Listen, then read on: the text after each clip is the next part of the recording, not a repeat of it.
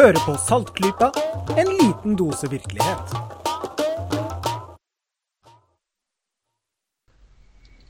Velkommen til episode 138 av Saltklypa. I dag er det onsdag den 15. februar 2017. Eh, Navnet mitt er Kristin, og med meg i kveld har jeg Bendik Jeg er her. og Jørgen. Ja da, jeg er her, jeg òg. Lisha er med. Hallo, hallo. Og Marit. God dag, god dag. Hei, hei. Sist, men ikke minst. Så da, nå er vi full pakke. Det liker vi.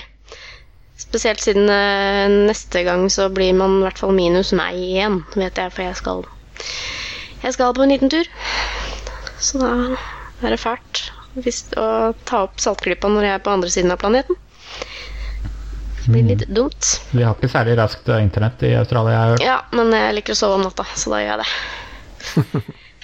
Eh, I dag så blir det mm, Ja, vi har jo hatt en del eh, ja, kall det spesialepisoder i det siste. Hvor vi har fått besøk av noen smarte folk som kan litt mer enn det vi kan om spesielle ting.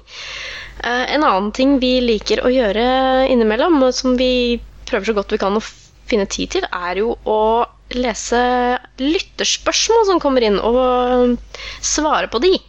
Og denne episoden så tenkte vi å Altså, vi har jo et par-tre som vi har hatt veldig lyst til å snakke om veldig lenge. Finne en eh, passende anledning til. Og ett av dem fant vi ut at passet veldig godt akkurat eh, på denne episoden. For det har vært litt eh, Litt skriverier, litt veldig aktuelle skriverier om noe lignende i mediene i det siste. Um, noen som har lyst til å lese lytterspørsmålet vi har fått fra William? Ja, jeg kan gjøre det. Hei, Saltklypa.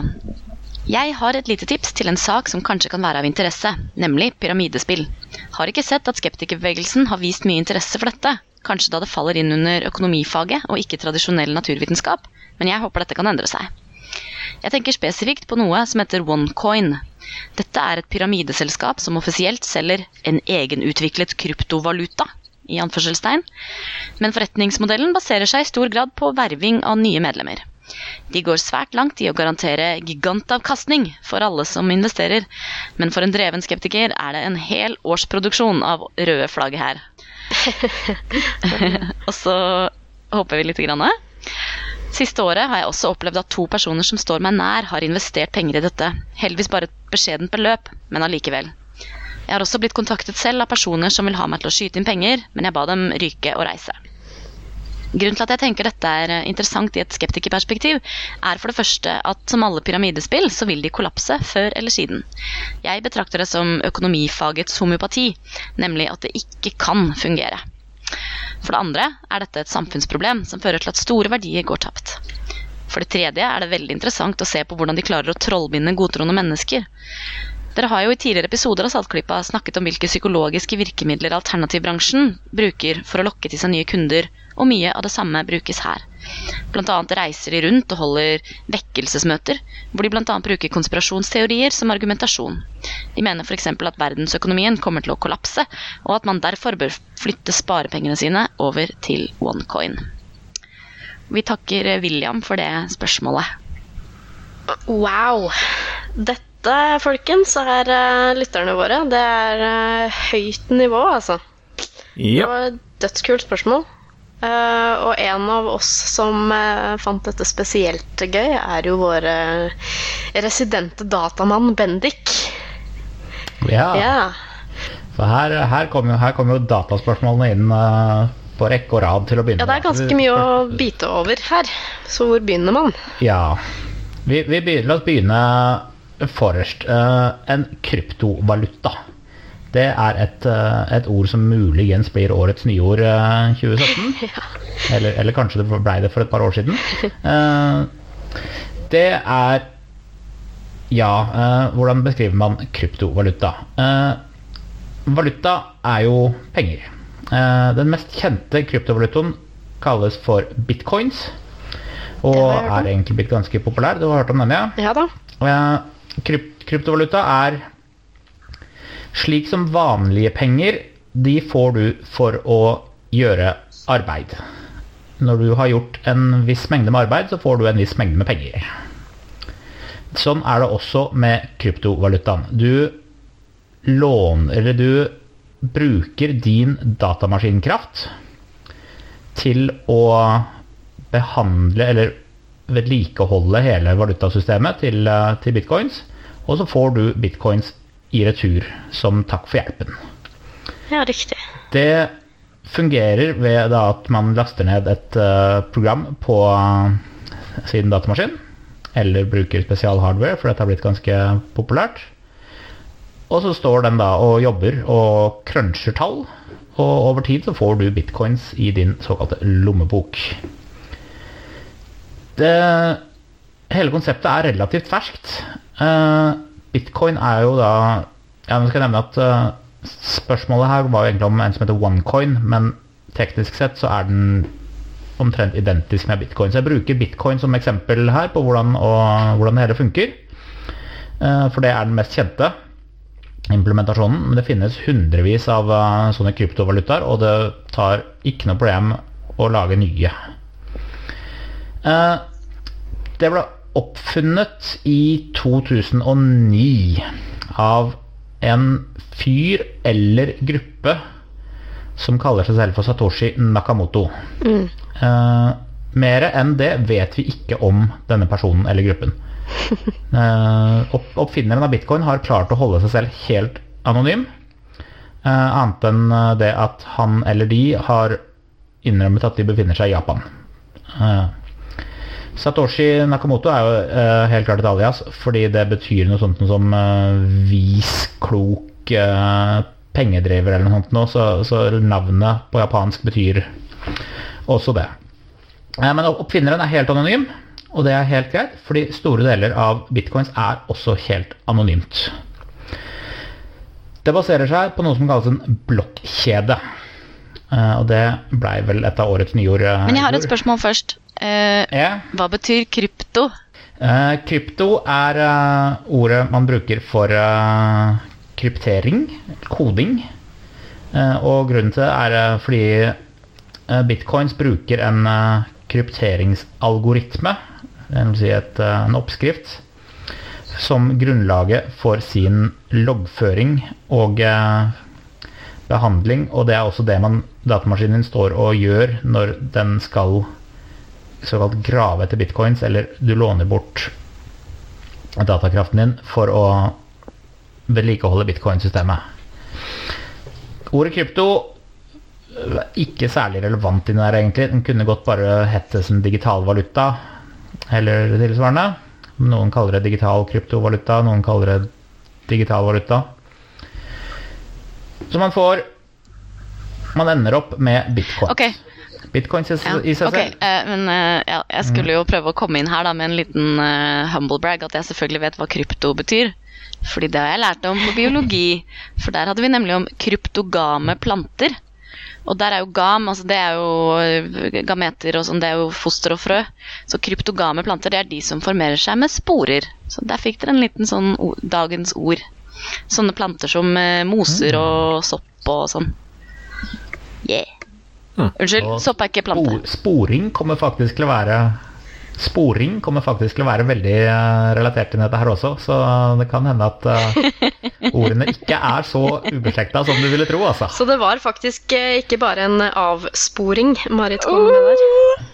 Oh, oh, oh, oh. Eh, Men, men ja. En bitcoin har ingen verdi i seg selv. Hvis man, hvis man vil være pedantisk, så kan man jo faktisk si at en krone har ingen verdi i seg selv, den heller. Den har bare den verdien som eh, den norske stat tilgir den, og den som andre folk gir den. Men en bitcoin i seg selv har ingen verdi, den heller. Det eneste man kan gjøre med den, er egentlig å selge den for dollar. Til noen andre som har lyst på den bitcoinen. Eh, Så man har en, en vekslingsrate mellom bitcoins og dollar. Og hvis man har bitcoin, så kan man veksle dem inn i dollar hvis man finner noen som har lyst til å kjøpe dem. Og hvis man har dollar, så kan man eh, kjøpe bitcoins hvis man ikke har lyst til å grave etter dem selv. Vi så i eh, for nå Det var vel i 2015, tror jeg. Plutselig så skjøt verdien av bitcoins i været. Helt uten grunn omtrent. Fra liksom 100 dollar per bitcoin til 900 dollar per bitcoin, så en hel del folk ble sikkert uh, kjemperike av det. Huh. Men uh, det var ingenting som gjorde fordi man produserer faktisk ingenting med bitcoins, i motsetning til norske kroner, som jo kan pegges mot hva Norge produserer, og man trenger norske kroner for å kjøpe varer i Norge, så er bitcoin helt verdiløs på egen hånd, annet enn hva noen er villig til å betale for den. Så det som skjer når man graver etter bitcoins Det å skaffe seg bitcoins det kalles å grave. Uh, bitcoins er basert på en distribusjonsmodell som skal prøve å ligne på uh, hvordan vanlige materialer finnes i jordskorpen. Det vil si det er ganske lett å finne til å begynne med, og etter hvert som tiden går, så blir de sjeldnere og sjeldnere. Sånn er det med bitcoins også. Hvis man begynte med dem i 2009, så kom bitcoins veldig, veldig raskt. Men basert på hvor mange folk som driver og jakter på bitcoins, så er det vanskeligere og vanskeligere å få tak i dem. Hvis, eh, hvis halvparten av bitcoin-markedet bare sa nei, dette gidder jeg ikke lenger, og slår av eh, datamaskinene sine, så vil de eh, komme raskere igjen. De, eh, det kommer et visst antall bitcoins inn i omløp hver uke. Og det blir fordelt på alle som, eh, i praksis fordelt på alle som uh, står og graver etter dem. Men blokkjeden. Eh, Ja. blokkjeden er eh, bitcoinens eh, hva kaller det, logg. Det er eh, dens transaksjonshistorikk. I blokkjeden så står samtlige transaksjoner som er blitt gjort med bitcoins, lagret permanent. Helt fra tidenes morgen i 2009 så kan man spole tilbake blokkjeden og se alle som har betalt med bitcoins, fra hvilken eh, lommebok til hvilken lommebok, helt offentlig. Og det er denne som gjør bitcoins egentlig ganske spennende. For det som din datamaskin står og gjør når, eh, når den eh, jobber med bitcoins, det er at den er med å verifisere disse her. Og bekrefte de og loggføre de. På denne måten så har vi et helt distribuert system hvor det ikke er et single point som styrer pengene. De pengene du har i din bank, f.eks., de er jo styrt av den banken. Mm. Det, det, det eksisterer kun på, på den banken. I den banken. Det er dens origin. Banken styrer de pengene. Banken kan slette de pengene fra kontoen din hvis de ønsker det. Det er ikke mulig med bitcoins. Fordi hele transaksjonshistorikken er offentlig. Den er verifisert av tusenvis av tredjeparter. Og den er umulig å tukle med. Det er også en veldig veldig spennende ting. På bank, eh, hvis du tenker deg en gammeldags bankbok, sånn som man hadde før i tiden, så sånn veldig, veldig før i tiden, så, så er det Jeg har hatt teoretisk mulig bankbok. å tukle med den bank bankboka. Man kan uh, stryke ut et tall, viske det ut, gjøre om et ett-tall til et firetall osv. Og, så og, og så lenge man ikke får uh, alvorlige følgefeil, så funker det på de gammeldagse bankbøkene. Det er ikke mulig med bitcoins. Fordi hver eneste transaksjon blir brukt som grunnlaget for den neste transaksjonen. Og det går jo millioner av disse transaksjonene om dagen, men det klarer systemet å holde tritt med. Så det er litt der kryptodelen kommer inn, at det er liksom veldig Det er litt sånn sikkert Ja, mot juksing det, og hacking. det er, den er faktisk eh, Det har hittil ikke vært mulig, eller hittil ingen som har klart å, å demonstrere engang en teoretisk Eller det er en teoretisk mulighet øh, for, øh, for å tukle med det. Og det er hvis du har Hvis du styrer 51% eller mer av øh, verdens bitcoin-produsenter, så kan du injisere falske transaksjoner selv. Men øh, det er ikke praktisk mulig. Og, det, og det er fremdeles bare en teoretisk mulighet. da. I motsetning til banken, hvor banken faktisk bare kan si legge på null, eller trekke fra null på bankkontoen din. Det, det kan de gjøre. Og annet enn din personlige logg, så har ikke du noe å gjøre med det. Så bitcoins er 100% offentlige. Det er faktisk skikkelig kult. Og de er 100% sporbare. Du kan spore alle transaksjoner tilbake til tidenes morgen i bitcoins. Eh, Hva, du hvis, hva hvis hvilke- eh, man liksom har uh, handla noe på nettet som er litt sånn lugubert? Kan andre se hva du Mm. har kjøpt, da, eller? De kan ikke se hva du har kjøpt. De kan se at et gitt kontonummer, kall det det, har overført så og så mange bitcoins til et annet kontonummer. Men de kan ikke koble, nødvendigvis koble det kontonummeret til en faktisk person. Skjønner. Eh, Og det koster ingenting å opprette nye kontonummer. Det kan man bare gjøre helt fritt. Og så hvis man skal bruke det til noe lugubert, så tar man gjerne og spretter pengene sine innom et par andre kontoer først. Så klarer man ikke spore de faktiske pengene tilbake til deg. Man kan spore hver enkelt transaksjon, men, eh, men å spore de faktiske pengene, for det er ingen som vet at den kontoen tilhører den og den personen, så går det an. Av denne grunnen så er bitcoins veldig populært eh, på det som kalles det mørke nettet, hvor eh, litt lugubre og lyssky virksomhet eh, bedriver. Rett og slett fordi den har anonymitet samtidig som den har verifiserbarhet. Det er et ganske unikt konsept. Ja, det får du si. men de har klart å, å få det til. Men ja, så, så blokkjeden er eh, helt offentlig. Enhver person kan starte opp eh, en såkalt bitcoin-klient og bare se hele blokkjeden. Du kan få kopi av den eh, ned på datamaskinen din og begynne å grave etter bitcoin selv. Og da i praksis så låner du bort din datamaskintid til at du står og verifiserer andre folk sine transaksjoner. Og en gang iblant så blir det fordelt ut uh, nye bitcoins av seg selv uh, til de som, uh, som er med å jobbe. Så som sagt, dette her er har ingen verdi i seg selv. Det, det er det viktigste å huske på her. Man kan si jeg har så og så mange dollar i bitcoins. Det er greit, men den har bare en verdi så lenge noen har lyst til å kjøpe de av meg. Og for tiden nå så, så er det, går det ganske greit. Én bitcoin den uh, ligger på rundt 800 dollar, tror jeg. 700 dollar eller noe sånt nå. Eh, og, og det går ganske greit å veksle inn uh, bitcoin til dollar, og motsatt. Uh, så det er ikke noe stort problem å bruke dem. Hmm. Og det er da her fordi bitcoin er litt sånn magisk. Jeg har beskrevet en del ting som, som liksom virker litt weird, og, og hele, hele greia er skikkelig weird. Det, og det er jo her onecoins kommer inn i bildet.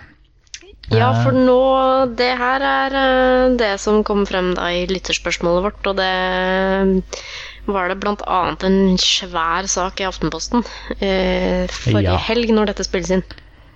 Ja. Ja. Eh, når OneCoins, så vidt jeg har klart å grave om dem, det er ikke så veldig mye informasjon om dem, siden mesteparten av det ligger bak eh, betalingsmurer, noe som vi skal komme inn på litt seinere. Men så vidt jeg har klart å finne ut, så er OneCoins omtrent, eller basically identiske med bitcoins. Annet enn at blokkjeden er privat. Du kan ikke mine OneCoins selv. Man kan ikke laste ned et program og begynne å hjelpe til med å verifisere transaksjoner og, og grave etter OneCoins selv. Det er det kun OneCoin Corporation. Det Som hørtes ikke helt eh, Jeg får litt sånn derre Ja, det var litt shady. Ja. Det var litt shady når liksom Ja, hele prinsippet det- er eh, åpenhet og gjennomskinnelighet. Ja, så bitcoinen er jo en libertarianers våte drøm, egentlig, i og med at den uh, er eh, helt åpen, men samtidig helt anonym, og hvem som helst kan verifisere den. Mens onecoinen er helt lukket, og vi kan bare ta deres ord på at den faktisk til og med en gang eksisterer.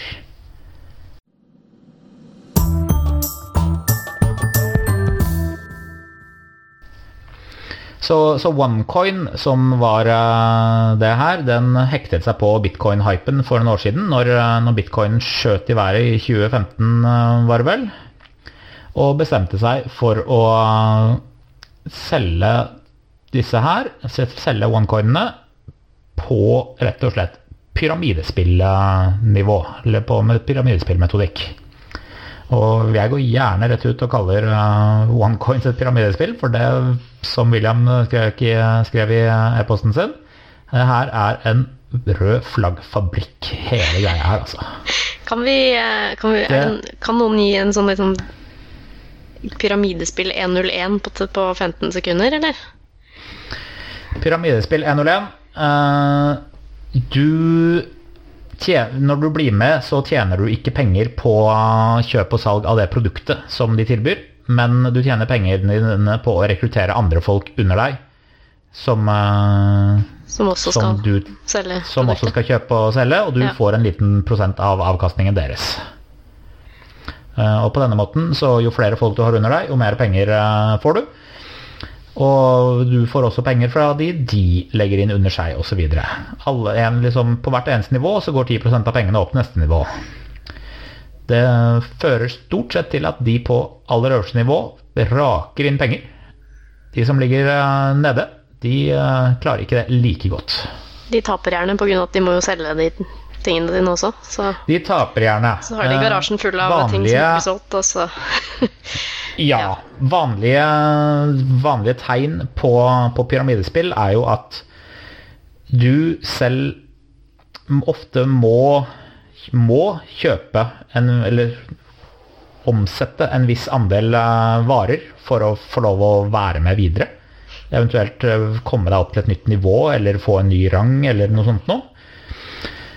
Og du kan da oppnå det enten ved å klare å finne noen under deg som vil kjøpe og selge dette her for deg, eller så må du kjøpe det selv. Så veldig mange historier eh, fra pyramidespillverdenen går ut på at eh, man blir sittende igjen med en garasje full av denne varen selv, som man ikke klarer å, å omsette. Og så har man senka massevis av penger inn i det, til ingen effekt. Så Og- i, i OneCoin så er det da sånne myntgravepakker da, som man skal selge, eller I OneCoin så kan man øh, kjøpe myntgravepakker, ja. Jeg fant på det ordet helt selv. Det, men det var faktisk et veldig, veldig godt ord. Ja. man, man kjøper inn eh, rettigheten til å til at OneCoins skal bli gravd fram for deg. Eh, og det kan, kan godt være at du får OneCoins etter hvert. Men uh, med en lukket blokkjede så kan vi faktisk ikke se at de faktisk eksisterer. Det, det, det kan vi ikke Det er jo helt vilt. Altså, dere kunne ikke se Så- så Dere kunne ikke høre bare- fjeset mitt nå, men jeg lagde en sånn opp-ned-U med munnen min.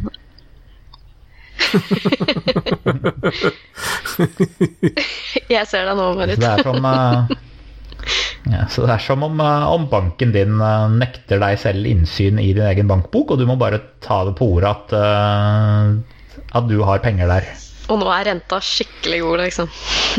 Og nå er renta skikkelig god, så nå passer det, lønner det seg å sette inn penger. Altså det er helt klart. Et annet uh, fellestrekk ved pyramidespill er veldig forvirrende regler for uh, hvordan man uh, skal te seg inni, inni her.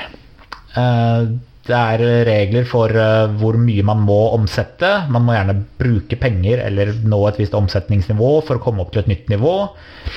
I OneCoins, så i tillegg til at du har folk under deg, de personene du rekrutterer, kan du velge å sette enten på venstre eller høyre side av deg selv.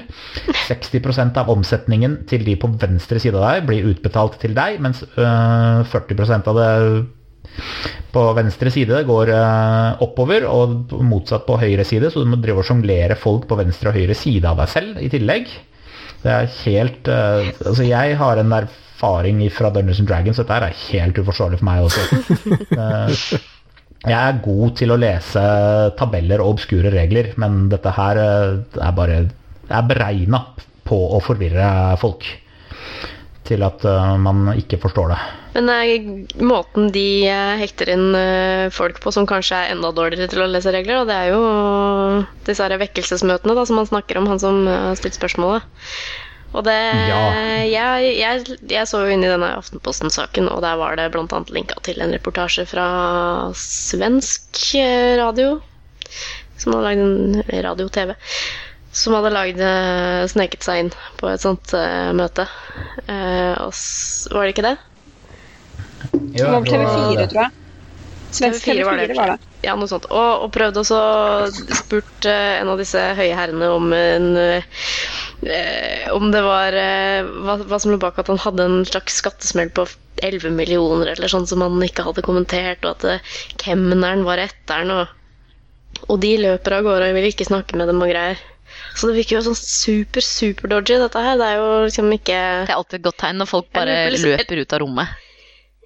Ja, og jeg lurer litt på hva som får Hva som får folk da til å fremdeles henge på. Er det liksom Er det noen sånn eh, Er det noen sånn eh, Er det noen sånn psykologiske effekter eh, en masse som spiller inn her, da?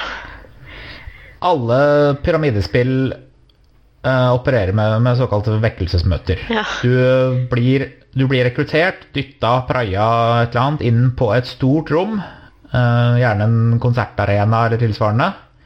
Og så kommer det en fyr inn på scenen. Det dundrer teknomusikk. Det er eh, flashy lyd, eh, flashy lys, det er røykmaskiner. Han kommer inn i fancy Armani-dress, solbriller, og bare sier 'Jeg fikk dette her ved hjelp av OneCoins', eller Herbalife, eller hva enn eh, det er. Og jeg satset 100 kroner eh, for 15 for 10 år siden, og nå bare raker inn penger uten at jeg behøver gjøre noe som helst. Og hvis jeg må gråte, så må jeg passe på å gå ut av den nye Ferrarien min først, ellers så ødelegger jeg setene der. Og, og, og bare lover en sånn der skikkelig high, uh, high stakes jetsetter-liv for ingen effort. Og liksom Ja, OneCoin averterte vel med en 5000% avkastning i året eller noe sånt noe. eh, som og du liksom skulle få Hvis du satsa 100 kroner nå, så hadde du flere millioner kroner øh, om bare et par år. Men altså, det, Og det, det står de der og sier med, med, uten, å, uten å nykke, da. men det går liksom ikke an Altså, det Nå skal ikke jeg regne i hodet her nå, men altså, det er jo umulig at hvem som helst kan få så mange penger. Det er jo ikke Det er kapasitet. øh, hva du som, øh, som har hatt tid og mulighet til å tenke kritisk om dette her, Ja. kan tenke. Eh, For ja, det er helt riktig. Eh, På alle pyramidespill så beror din eh, inntekt 100% på hvor mange folk man klarer å rekruttere under seg, og hvor mange folk de igjen klarer å rekruttere under seg. Og for å klare å få til disse tallene som det er, så må man som regel klare å få en pyramide på halve jordens befolkning under seg. ja. Med mindre man var blant de første tre eh, i pyramiden eller noe sånt noe. mindre man var helt i toppen til å begynne med. Ja. Så er det som er hele pyramiden, er liksom det er basert på hele tiden vekst, hele tiden verving, og, og det må kollapse. Det er liksom noe av det som er prinsippet for pyramidespill. Ja. Men det at det må kollapse, det holder man selvfølgelig skjult for dem man prøver å verve, og, og dekker det over alle de fantastiske framtidsvyene hver enkelt person har. ja, for det er gjerne de tre til fem personene som er øverst i pyramiden, som er med på alle reklamefilmene for disse pyramidespillene. Eller? Ja, og de Ja. har veldig gode insentiver for å få med seg flest mulig og gjøre Ja, dette til et fantastisk vekkelsesmøte. Er det egentlig kanskje litt sånn at eh, pyramiden står på hodet? Sånn at alle pengene man putter i, i det tynne laget i basen, på en måte, basen som er på toppen, så renner jo bare alt ned til de som er på toppen. Eller eh, i det punktet, ja. da. Ja. Og da Det er jo si sånn. veldig ustabilt, selvfølgelig. Ja, så Pyramidespill er forbudt i veldig mange land, inklusive Norge. Eh, hvis man starter et, et faktisk pyramidespill, så får man uh, alskens tilsyn på nakken veldig, veldig fort. Det, det finnes veldig få lands eh, finanstilsyn som eh, er glade i denne metoden her. Men eh, de har klart å rebrande seg i de siste årene, og de heter ikke lenger pyramidespill, de heter Multilevel Marketing, eller MLM. MLM. Og det finnes legitime MLM-systemer, og de, de er Regelen for hva som definerer et pyramidespill og ikke versus ikke, er at din Hvis du driver multilevel marketing, så skal din inntekt komme av hva du selger. Du skal, skal operere som en standard salgsperson. Det blir pyramidespill når mesteparten av din inntekt eller din forespeilede inntekt kommer ifra andre folk og bare kommer inn automatisk. Så det finnes lovlige også i Norge MLM-ting. De, de minner mye om pyramidespill, men forskjellen er jo da på hvor mye av din, din inntekt kommer ifra den faktiske pyramiden under deg, og hvor mye av det kommer ifra varer du selv selger. Og OneCoin prøver å snike seg unna dette her ved å si at de egentlig ikke selger varer selv, men eh, det man betaler for å komme inn, er eh, å kjøpe opplæringsmateriale i OneCoin. Og kjøpe opplæringsmateriale i hvordan å selge OneCoin, eller da hvordan å selge opplæringsmateriale videre, for å være korrekt. Eh, så, Jeg får en- så de derre Jeg får en sånn scientologi-vibe over hele det her. Ja, eh, Nei, bare Altså bare de møtene og de, de flashy menneskene og den hemmeligholdelsen og eh, alle Ja, lovnadene og alle ting man må kjøpe hele tiden og ja, nei. Det er bare litt sånn scientologi. ja og, og pyramidespill eh, de opererer også med, med nivåer, slik som Ja. ja. syntologene gjør. Du kan eh, avansere til neste nivå, som, som gir deg bedre F.eks. hvis du er på startnivå, så får du 1% av omsetningen til eh, de som ligger under deg, mens hvis du klarer å avansere opp til et nytt nivå, de har gjerne fancy navn eh, der, så, så får du en liten bonus og begynner å få 2% av eh, omsetningen til de under deg. Men hvordan kommer man seg til neste nivå? Jo, med omsetningskrav eller direkte buy-ins selv. Sånn at uh, i, i OneCoin f.eks. Så, så kommer man rett og slett til, uh, til høyere nivåer ved å betale OneCoin-penger. Og de begynner å De skalerer ganske raskt oppover, de, de pengesummene der, altså.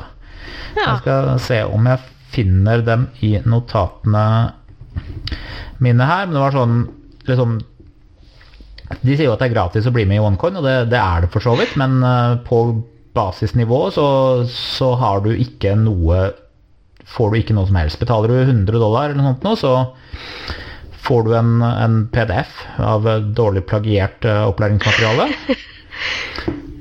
uh, og så kan man få en rettighet til å få en viss mengde med onecoins senere. Og hvis man betaler 500 dollar til, så får man muligheten til å få folk under seg. Hvis man betaler 1000 dollar til, så får du en litt større andel, og, så. Det, og de Skal vi se, jeg hadde bildet her Ja, og så får man litt, litt premier etter hvert. Jeg lurer på om på 1000 dollar så får du en, en klokke i tillegg og sånt, men så klart den klokka er verdt mindre enn det du har endt opp med å betale. Mm, Uansett, da. intrikat. Så, så pyramidespill og, og onecoin især er, som sagt, kjempeshady. De er i konstant krangel med diverse lands finanstilsyn. De fleste land er ikke fans av dette her. Nei, for eh, det må jo forsvinne penger ut av landet. Og, altså det, det er jo ganske store summer innimellom da, som det snakkes om her. Pluss at For ikke å snakke om masse mennesker som går personlig konkurs, og det vil Ja. jo stort sett ikke stater ha for mye av. Ja, det er, eh, er jo liksom det, det største her, da. Fordi dette her koster mye penger. Og når man Her kommer en av de psykologiske effektene. Vi er veldig loss aversion. Vi har ikke lyst til å, å tape de pengene vi har investert allerede. Hvis man trekker seg ut, så, så går jo det tapt. Og så man blir jo da oppfordret til å fortsette å pumpe inn og bare si ja, men hvis du bare kommer deg opp på det neste nivået, så, så vil jo alt snu seg. Og hvis du klarer å, bare å rekruttere to personer til, så går du i pluss igjen. og og det er alltid, liksom, du, er alltid, du er alltid så nærme å, å klare å få til eh, å bli rik, da. Ja, De utnytter jo disse folka her en eh, ganske grunnleggende psykologisk mekanisme. Som du snakker om, det er loss aversion. Det handler ikke bare om penger, men det handler jo også om eh, på en måte selvbilde. For hvis du da har pumpa Ja. inn diverse penger i dette her, og så vil du det å trekke seg ut og innrømme at det er en scam, det er også å innrømme at du har latt deg lure. Det er også Eh, og- mye kognitiv dissonans, da. Ja. Det er også en sånn Og- grunn av den måten som multilevel marketing fungerer på, så er det ikke bare at du har latt deg lure, men du har blitt lurt av sannsynligvis, da, statistisk sett sannsynligvis, du har blitt lurt av en person som betyr noe for deg. For det er jo eh, man, eh, Jeg har selv blitt eh, forsøkt shanghaiet til eh, et par sånne nettverk, men ikke sånne sinnssyke greier som OneKind, men ting som faktisk er ikke pyramide, da, men multilevel marketing hvor det er reelle ting. Eh, og det er jo veldig typisk måten de gjør dette på. Det er en venn ikke sant? eller en slektning, en person som du har et personlig forhold til og følelse for, og de inviterer deg da til noe som ikke er det du tror, for du blir ikke fortalt, i hvert fall i min erfaring, jeg har aldri, dette har skjedd tre ganger, og jeg har ikke blitt fortalt at nå skal du du få møte hvor jeg skal prøve å verve deg til å selge dette tøyset. Nei, vi skal ta en kaffe, liksom. Ja, det klassiske er vel at det er folk som du ikke har sett på sånn 10-15 år. Eh, og så er de begynt å bli litt desperate i, i vervingen sin og uh, tilnærmer seg da altså videre og videre bekjentskapskretser. Så får du plutselig melding liksom sånn Hei, du, jeg har ikke sett deg på ti år, men det hadde vært veldig hyggelig å treffes, da. Hva driver du med, liksom? Og så møter du de, og så drar de dem inn på et sånt vekkelsesmøte. Uh, Ja, i min, det når jeg opplevde så var det venner som sto meg mye nærmere enn det, så de var vel ikke blitt så desperate ennå. de hadde ikke kommet langt nok ned på lista. Nei. Nei, tydeligvis ikke. Eh, men det gjør det på en måte litt verre, for hvis du da lar deg dra inn i det, så har du også en følelsesmessig investering ved at du har en tilknytning til den personen som dro deg med i det. Og da er det også å si at jeg ble lurt av eh, kusina mi eller eh, liksom barndomsvenninna eller en eller annen som betyr noe for deg. Da. Og da da går det jo utover eh, forholdet deres og måten du ønsker å se på den personen. Så det er en utrolig sleip måte å komme seg liksom innafor det følelsesmessige forsvarsverket til folk. Og det, ja, akkurat det som du beskriver der, eh, dere nevnte jo loss aversion, altså taps eh, av Eller du vil ikke tape noe, men det er jo også det som heter the sunk cost fallacy. Som er når du eh, Man tror jo at vi Eller man har så lyst til å tro da, fall, at vi mennesker tar rasjonelle og fornuftige beslutninger hvor vi gjør et regnestykke, og så setter vi to streker under, og så tar vi det tallet som er riktigst, liksom. Velger den strategien som er riktig. Men det er jo ikke sånn vi fungerer, egentlig. Vi, jo mer vi allerede har investert, og kanskje spesielt hvis det er emosjonelle investeringer vi har gjort i noe, jo vanskeligere er det å legge det fra seg. Og da begynner man å gjøre det som man ikke skal gjøre, som er å kaste gode penger etter dårlige penger, som investorene kaller det. Um, og det, du nevnte jo også effekten dissonans, eh, Kristin. Kognitiv dissonans. Jeg syns også det er verdt å bare snakke litt mer om hva det er.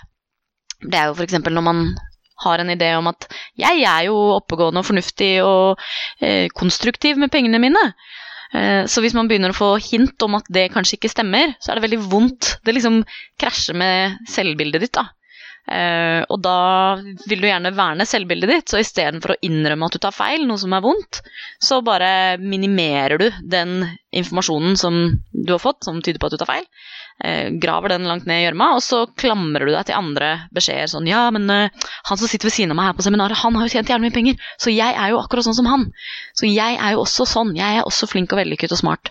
Så dermed klarer du å opprettholde to motstridende ideer i hodet ditt samtidig, fordi du liksom uh, knytter deg nærmere til den ene typen informasjon og, og minimerer og krymper den andre typen. Mm. Jeg må innrømme jeg har vært ganske heldig med å ikke ha blitt forsøkt vervet til sånne ting. Jeg er ganske skjerma der, føler jeg. Det har blitt forsøkt, men det var eh, Jeg visste hva det var, på en måte. Så jeg visste at jeg bare skulle si nei, og det har ikke blitt pusha på meg utover første forsøk heller. Så jeg har sluppet ganske heldig unna. Men det er et av de eksemplene jeg har vært borti som jeg tror er litt typisk, det er en jeg kjenner som er i et eh, lavtlønnsyrke, og som ble presentert for eh, en sånn MLM-sak. Det var vel Herbalife, tror jeg og tenkte at ja, ja, men dette her eh, er jo bra. Jeg har mange kontakter gjennom jobben. Jeg kan eh, sikkert utvide mitt nettverk ganske fort, for dette er sikkert et kjempebra produkt. Og var veldig positiv, og jeg prøvde å snakke det litt ned, men det, denne personen gikk noe for det, og så hørte jeg ikke noe mer. Det ble tydeligvis ikke noe av. Hun gikk inn i det, men, eh, men det, det dabbet ganske fort av, tror jeg. Jeg tror hun ganske fort skjønte at uh, dette her kom hun ingen vei med. Mm. Jeg har også vært på eh, sånn syklubb, da, eller jentemiddag, eller hva man skal kalle det, bare med videregående venninner, hvor eh, det plutselig dukket opp, eller hva hun, hun ene eh, spurte om hun kunne invitere en ekstra person, som kom da med en sånn Mary Kay-sminke eller noe. Og det er jo noe at disse eh, de bruker, disse strategiene, altså sånne multilevel marketing, eh, home parties, de bruker ofte veldig mye sånn sosialt press. De, de gjør det så, det er så ubehagelig, da, fordi det er så stort sosialt element i det. Eh, og det reagerer vi jo skikkelig på. Men det er jo noen produkter som gjør det skarpt, og som folk er glad i, som fortsatt bare selges på den måten, sånn som Tupperware. Eller det stemmer kanskje ikke, du får det kanskje i butikker nå? Eh, eller holder de seg til homeparties? Jeg hørte i hvert fall det for ikke så lenge siden, at de fortsatt driver med bare sånne homeparties. Og det er jo et veldig sånn elsket og yndet Ja. produkt.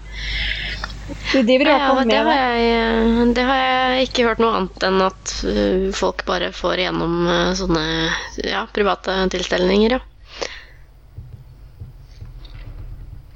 Mens, eh, mens dere prata her, så, har- så har jeg lyst til å gå litt tilbake. For jeg, jeg satt og, og lette litt uh, online uh, samtidig, og der fant jeg listen over uh, hvor mye de forskjellige nivåene i OneCoin koster, og hva du får for dem. ja. Gratis. Du kan bli rookie-nivå. Da får du en e-bok eh, som heter eh, 'Tenk deg rik'. Oh my god. 110 euro, så får du eh, en bok til. Eh, da 550 euro er neste nivå. Den heter Trader, men gir deg faktisk ikke noe rettighet til å trade eller skaffe deg onecoins enda. 550 euro, da får du eh, alt under eh, på de to forrige nivåene. Og enda en eh, bok. Pro Trader-nivået koster 1100 euro, så nå er vi oppe i 10 000 eh, kroner. Da får man også bare skills. Det er også bare et opplæringskurs. Executive Trader koster 3300 kroner, så da prater vi 30 000, nei, 3300 euro. 30 000 kroner ca. Det inkluderer de fire forrige nivåene. Og en beskrivelse av verktøy, hvordan, hvordan du kan øke tradene dine. Man må faktisk opp til 7500 euro før man faktisk får noen tokens som eh, gir deg onecoins selv. Men, men så man kan, man kan rett og slett. Man kan rett og slett ikke bare gå inn på det første nivået og så noensinne få avkastning. Nei. Uh, Nei. Så vidt jeg leser dette her, så må man betale da nærmere 75 000 kroner for å få din første onecoin. Herre jemini! Eh, da, men, men vi, er ikke, vi er ikke ferdige her. Altså, vi er bare Nei, på ok, treet når det kommer til, uh, til nivåer. Eh, 13 750 euro, det gir deg mer bøker.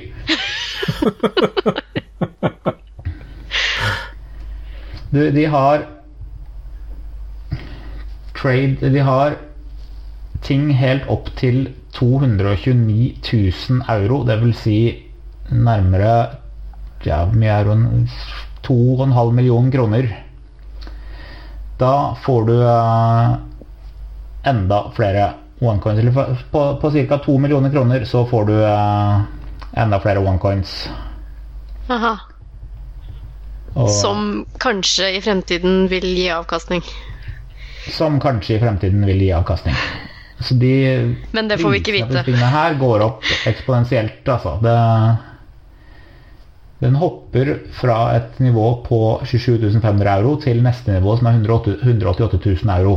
Eh, Da skal du være ganske seriøs. Og alle unntatt to av nivåene er kun bøker, informasjon og ja, på, på, på 27 500 euros nivå så uh, får du visstnok også mulighet til å rekruttere folk under deg. Ok. Det er ganske utrolig at noen er- kan falle for dette her. Ja, det er helt bananas uh, hvor dyrt det er å bli med i dette her. Så du, du senker jo Ja, du, du må jo senke nesten 75 000 kroner før du eh, får i det hele tatt noen eh, onecoins og får lov å være med på leken, liksom.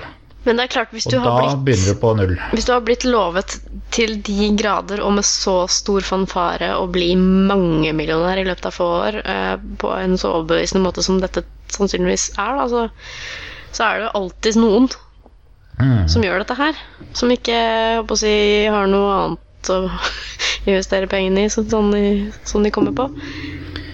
Det er alltid Ja. eh, det, er, det er veldig lukrativt for de som er tidlig ute, det, og, ikke, og ikke alle andre. Eh, som et real life-eksempel eh, Dere har kanskje fulgt litt med på amerikansk politikk. De har nylig fått en eh, ny undervisningsminister der borte, som heter Betzy DeVos. Ja. Hun er eh, inkompetent. milliardær, eller eh, kor korreksjon, eh, mannen hennes er milliardær. Eh, og han grunnla et pyramidespill på 60-tallet. Det var det han gjorde. Aha. Kommer det frem. Ja, det, det, er, det er fullt offentlig. Liksom. Det, det er ikke, ikke noe hemmelighet, det, egentlig. Eh, så han, eh, han tjente gode penger på det. Men eh, jeg tror ikke det er så mange andre som, eh, som har tjent så mye på det. Nei. Nei, det er jo tydelig at uh, dette her er jo klekket ut uh, veldig bevisst. Du lager, ender ikke opp med en uh, sånn modell uten å vite at nå skal jeg lage et system som bringer penger til toppen, dvs. Si meg og mine nærmeste.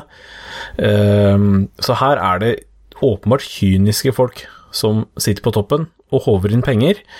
Og dem de får tak i som blir med på dette, er jo gjerne folk som eh, er litt desperate etter penger. Eh, og enten ikke har den dømmekraften som trengs for å se gjennom det, eller de klarer å strippe den vekk ved disse vekkelsesmøtene og skape denne positive energien og alt dette her. Eh, så det er jo virkelig ekstremt kynisk. De, de vekkelsesmøtene i seg er veldig designa på å bryte ned hele motstandsviljen din. Og du, du skal bare bli bombardert i timevis med 'så rik kommer du til å bli', 'så rik kommer du til å bli', 'så rik kommer du til å bli', inntil du rett og slett ikke makter å si nei lenger. Fordi du er utslitt. Og kanskje litt grann sånn sosialt press-greie også, at du føler at et helt rom sitter og roper og heier og jubler, og hvis du ikke ser verdien i det, så er det du som er gal, og ikke alle de andre. Ikke sant? Det er jo Det er også, du blir, du blir stående der og lure på hva vet disse folka her som jeg ikke vet. Fordi du kan kanskje tro at, uh, at dette her er bullshit, ikke sant? Men du ser en 100 000, eller ikke, ikke så mange, men 10 000, 5000 andre folk rundt deg som står og hoier og skriker og, og har det fint, og alle sammen sier bare ja, hva skal du gjøre med din første million, og hva skal du gjøre med din første million, liksom, og da bare du, du, du klarer ikke å si nei etter en stund. Altså. Du, du blir overtalt bare på, på rent sosialt press. Det er jo et klassisk eh, psykologieksperiment, det der. Nå husker jeg ikke hva han heter, han som har gjort det, men jeg kan Det- finne en lenke til det. Og det er jo eh, eh, hvor de viser liksom tre streker som er av ulik lengde, og så viser de én strek, og så skal du si hvor lang, eller hvem av de tre som er lik den. Som det er A eller B eller C. Um, og man kan jo tenke da sånn ah, dette er en illusjon, og så, så er det jo ikke det, det er bare du skal se det. Og når du på en måte gjør det der, viser den typen spørsmål, og det sitter fem stykker på rad, og de fire første er skuespillere, og den femte er en, eh, et eh, offer, da, eller et subjekt, forskningssubjekt. Så svarer de fire første skuespillerne svarer med vilje feil på et spørsmål, så vil 80% av oss dette er helt sant, 80% av oss vil svare feil minst én gang, bare med de andre. Vi klarer ikke å stå Ja. opp mot det presset. Hvis du har fire folk foran Hvis du har fire folk foran deg som sier at to pluss to er fem, så ender du opp med å si to pluss to er fem, ja. du også. Jeg vil eh, kjøre litt crowdsourcing til lytterne våre, for jeg mener ganske bestemt at jeg har sett et klipp på NRK hvor det ble spurt eh, Eller hvor det var en programleder som sa sånn Ja, sånn som at Bergen er, eh, Bergen er eh, hovedstaden eh, i Norge. Og han sa det på en måte som er så selvsikkert og så overbevisende at folk bare «Øh, Ja, ja, ja. Så hvis noen vet hvor det er, at ikke det er bare jeg som finner det på, så vil jeg veldig gjerne høre om det.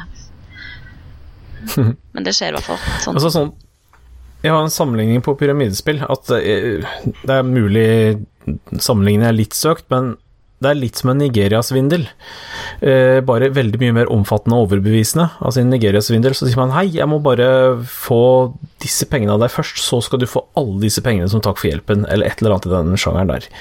Eh, og det er egentlig litt det som er prinsippet for pyramidespill. Du må først uh, putte noe inn med lovnader om at du skal få masse tilbake, men det er altså skjult i et uh, system som virker veldig overbevisende, pluss at istedenfor at det er uh, litt anonyme personer på en mail, så er det invitert til et møte med masse liv og røre og positiv energi, så du får den direkte kontakten og, og bryter ned veldig mange av motforestillingene. så det er Ja jeg syns det er veldig likt en Nigeria-svindel, bare blåst opp i hvor avansert det er. Det, det toucher mange av de samme punktene. Det er jo ikke helt urimelig heller det du sier der, Ryggen, at du må gjøre noe for å få noe senere. For sånn er det jo verden fungerer, egentlig. Du får jo ikke noe for ingenting. Og hvis du da blir dratt inn dette av personer som du i utgangspunktet tenker vil deg vel, som det ofte er med sånn eh, pyramidegreier, at du blir introdusert for det av slektninger eller bekjente, eller hva det er, så er det jo veldig fristende å tenke at OK, han driver med dette, han veit jo hva han snakker om, og vi er jo venner, så vil mitt beste. Eh, så det man vel bør ha litt fokus på, er det som du skal gjøre. Står det i noe rimelig forhold til det som du blir forespeilet å få igjen? For det er klart at Hvis du investerer 100 kroner nå, så er det ikke rimelig at du skal få tilbake 100 millioner om to år. Det er helt urimelig. Og der er det nok mange begynner å blinke. De blir kanskje blenda av tanken på de 100 millionene, da. Vet jeg. Men uh, i utgangspunktet så er det jo alltid slik at du må gjøre noe for å få noe. Men det må liksom stå litt i forhold, da. Og der, det gjør det som regel ikke i pyramidespillreklamene. Ja, nei, nei, det er ting som er for godt til å være sant. De er som oftest det. Er det oppsummeringen vår? Jeg tror nok det. det. Det er en veldig fin konklusjon på hele greia. Altså. Nei, det, er, det, har vært mye å bite over her, men uh, hvis ikke er det noen Jeg tenkte skulle si én ting ja. eh, til en kommentar. for Noe av det første denne innsenderen skriver, er at eh, skeptikermiljøet har ikke vært så interessert i dette her.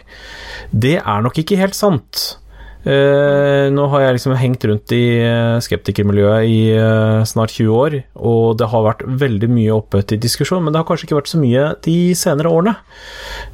det tror jeg jeg kan gi en rett i, men det, det, er absolutt masse folk som kan mye om dette, og, som, og det har vært veldig Noe man har prøvd å få ut til folk, i perioder i hvert fall.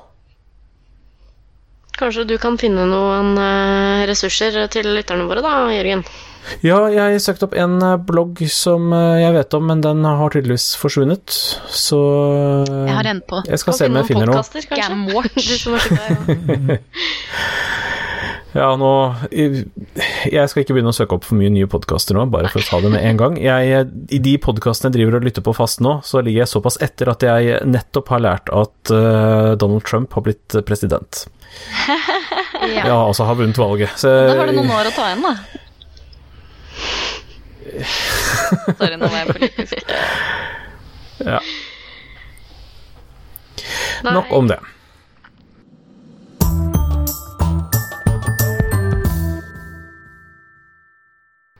Vi takker for et ekstremt uh, interessant spørsmål. Uh, fortsett sånn. Vi har nok et par til som vi har tenkt å spre litt utover uh, i episodene våre, som ja, som egner seg for en liten spesialbehandling, sånn som vi har gjort uh, i dag. Håper det var interessant, og at uh, alle lytterne våre nå er rustet til å gå ut og slå fra seg uh, tilbud som er altfor gode til å være sanne. I hvert fall ja, hvis, når det er så mange røde flagg. Hvis, hvis dere lyttere har noen venner som prøver å rekruttere det til OneCoin, så tar dem utafor og rister dem godt i kraven så til, de, til de slutter med det tullet der. Altså, for det der kommer bare til å ende med at de eh, brenner masse, masse penger. Veldig bra. Da tenker vi at vi går over til eh, noen anbefalinger. Først tenkte jeg jeg skulle nevne at det har kommet meg for øre at skeptikere på puben Oslo har treff den 24. februar. Så hvis du hører på denne episoden eh, sånn cirka når den kommer ut, så har du fremdeles tid til å være med på det. Eh, det er på Tøyen denne gangen. Det skal vi selvfølgelig linke til eh, eh, påmelding til det. På nord og natt. Det er jo greit å vite med en gang. Ja. Nord og natt. Det er et fint sted. Jeg tenkte også vi kunne nevne det at etter innsettelsen av den amerikanske presidenten, så var det jo som kjent ganske store demonstrasjoner og protester rundt i ja, egentlig hele verden. Og nå, altså Den var da på vegne av kvinner, eh, Women's March, og nå er det da altså eh, en marsj for science. Utropstegn. Som eh, skal gjennomføres. Den er satt opp til å finne sted 22. april, som også er kjent som Earth Day. Eh, og det gjenstår jo å se hvordan dette blir organisert, og hva som blir budskapet, og litt grann sånn der, men det er nå i alle fall sannsynligvis en mulighet for å slå et slag for eh, vitenskap og kritisk tenkning og helt reelle fakta. Så vi får se hva det blir. Vise hvor mange som faktisk bryr seg om det. Ja, faktisk bryr seg om fakta. Ja. Ja, ja, alt er blitt politikk nå for tiden, så det må vi bare finne oss i. Sånn er det. Da tenker jeg at vi er ferdig for denne gang. Det var jo ikke verst. Ja. Um, fortsett å sende inn spørsmål. Det er vi så utrolig glad for. Da, altså, det blir jo episoder av det. Det er kjempekult. Eh, og mer vi tar imot ris og ros og tips. Så da sier vi ha det bra, og uh, snakkes vel igjen om et par ukers tid. I hvert fall noen av oss. Gjør vi ikke det? Det gjør vi. Det gjør vi. Jo, så får du bare dra din kos, du, Kristin. Ja, ja. Jeg skal love å kose meg litt for dere også. da sier vi takk for i kveld, og ha det bra. Takk for nå. Ha, Ha det det. Saltklypa lages av Kristin Lisha, Jørgen og Bendik. Har du spørsmål, anbefalinger, ris eller ros, send det til post at saltklypa.no, eller finn oss på Facebook. Lenker til alt vi har snakket om i episoden finner du på saltklypa.no, hvor du også kan abonnere på podkasten for å få hver episode levert på døra helt gratis. Takk til Smart 9000 fra Evig poesi som har laget kjenningsmelodien.